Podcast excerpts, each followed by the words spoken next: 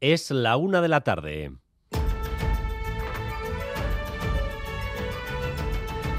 Crónica de Euskadi con Dani Álvarez.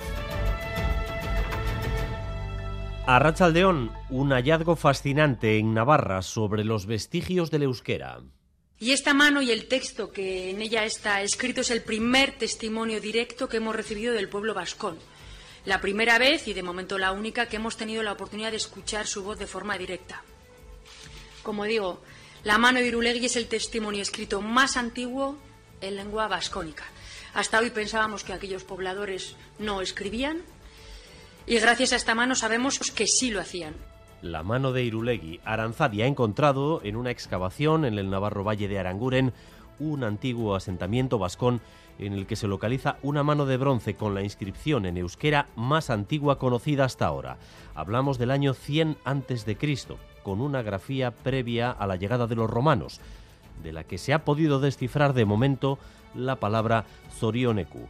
Un hecho de enorme importancia y relevancia histórica. Como han oído, la propia presidenta Chivite ha liderado la presentación en la que ha estado Ollane Arango a Rachaldeón Ollane. A Rachaldeón y la presidenta Chivite en esa presentación ha trasladado emoción y alegría ante el hallazgo de la mano de Irulegui, un hito histórico de primer orden, decía, sobre el pueblo vascón que tiene más de 2.000 años. Es el primer testimonio directo de ese pueblo, el primero en lengua vascónica, idioma precedente del euskera. La inscripción se ha encontrado en una pequeña pieza, una lámina de bronce con la forma de una mano derecha, hace un año en una de las casas del poblado vascón de la Edad de Hierro en la loma del monte Irulegui, a 15 kilómetros de Pamplona. Está escrito en una grafía anterior al latín que los vascones tomaron del íbero y adaptaron a su lengua, un hito histórico, como decimos, que a partir de ahora va a dar pie a muchas investigaciones. Enseguida regresamos con esta noticia y con todos los detalles que de momento les podemos confirmar, pero antes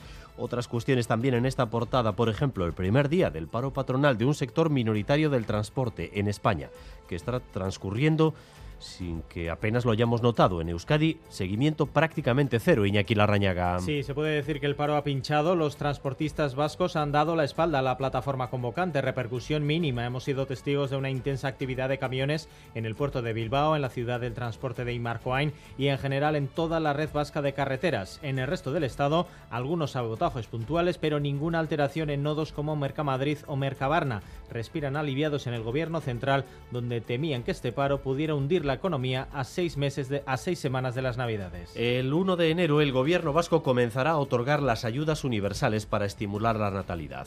200 euros al mes por hijo hasta los tres años y aún más en el caso de las familias numerosas. Las ayudas van a llegar cuando tocamos fondo en la natalidad. Sigue cayendo en picado. Natalia Serrano. Sí, los gráficos del Eustat dibujan un trimestre más una caída constante y mantenida de los nacimientos. En el segundo trimestre de este año, de abril a mayo, los nacimientos descendieron más de un 6% con respecto al año anterior. De abril a mayo, el descenso más acusado se ha producido en Guipúzcoa. En Álava, por el contrario, aumentaron los nacimientos. La edad de las madres, mayoritariamente entre 30 y 30 años. Aumenta el número de madres con nacionalidad extranjera.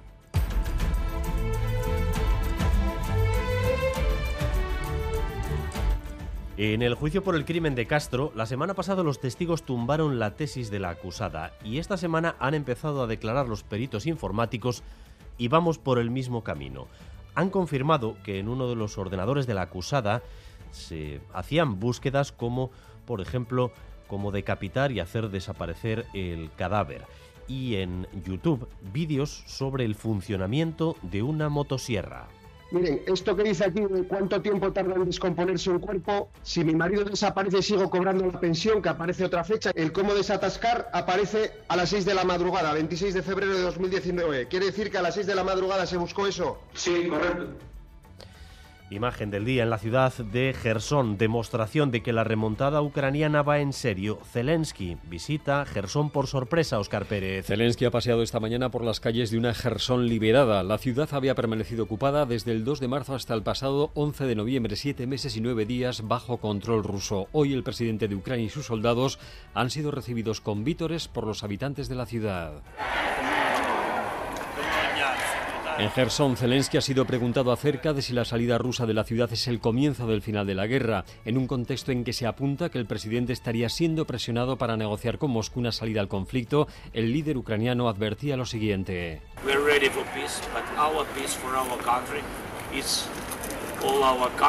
Estamos preparados para la paz, pero paz para nosotros es para todo nuestro país, para todo el territorio. No creemos a Rusia, pensamos que trata de engañar a todo el mundo, ha advertido Zelensky, que ha denunciado que han acreditado más de 400 crímenes de guerra en las poblaciones liberadas en la región de Kherson. Esta mañana la lluvia ha generado numerosas afecciones en el tráfico. Una de ellas ha terminado con un susto. Una furgoneta ha impactado contra un vehículo de la Archaincha y ha herido a dos agentes que estaban atendiendo la avería de un autobús. Ander López Lerena. Sí, a las 8 y cuarto de la mañana una unidad de Vizcaibus reportaba una avería en la A8 en Ortuella, sentido Cantabria. Avería que genera dos kilómetros de retenciones. En el lugar, una furgoneta de la Archanza atendía la incidencia cuando otra furgoneta ha impactado directamente contra el vehículo oficial. El resultado, dos herzañas heridos leves que han tenido que ser trasladados al hospital. El conductor de la furgoneta también ha necesitado de atención hospitalaria, donde se realizarán, por cierto, las pruebas pertinentes entre ellas la de alcoholemia, aunque todo apunta a un despiste, según han informado desde el Departamento de Seguridad. Todo ha quedado en un susto, heridos leves, pero eh, vamos también con la última hora, lo que está pasando ahora mismo, Ander. Sí, atención si circulan por la P8, sentido Bayona, porque según informa el Departamento de Seguridad se están creando retenciones de al menos 5 kilómetros en Irún, densidad que afecta también a la Nacional 121A en la rotonda de Zaisa, densidad que continúa en la A15 en Andoa en sentido Iruña, donde recordamos cuatro vehículos han colisionado hace una hora. La Archanza regula el tráfico en ese punto. Toti Martínez de Lecea presenta su nueva novela, El Maizal. Relata la historia de cuatro mujeres de cuatro generaciones en una misma familia cuyas vidas transcurren entre 1945 y 1975. Luchan y sobreviven en una sociedad hostil en la que las mujeres no son consideradas mayores de edad hasta que cumplen los 25 años.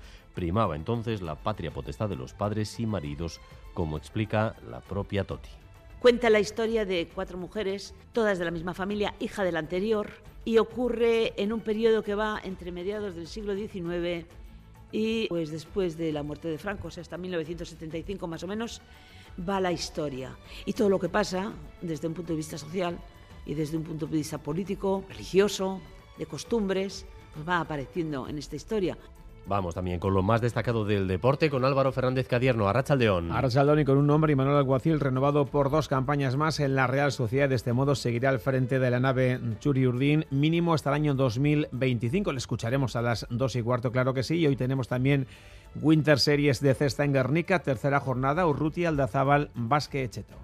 Después de una mañana pasada por agua, como decíamos, la tarde se va a mostrar menos desapacible. Dejará de llover, aunque va a continuar la nubosidad. Las temperaturas en descenso, 15 grados en Bilbao, 14 en Donostia y Bayona, 12 grados de temperatura en Vitoria-Gasteiz y en Pamplona. Mañana el protagonista será el viento de componente suroeste. El Departamento de Seguridad eh, impondrá el aviso amarillo ante la previsión de que se registren fuertes rachas de viento que podrían superar los 100 kilómetros hora en zonas expuestas. Gracias un día más por elegir Radio Euskadi y Radio Vitoria para informarse. Raúl González y Jorge Ibáñez están en la dirección técnica, a Itziber Bilbao en la coordinación. Crónica de Euskadi con Dani Álvarez.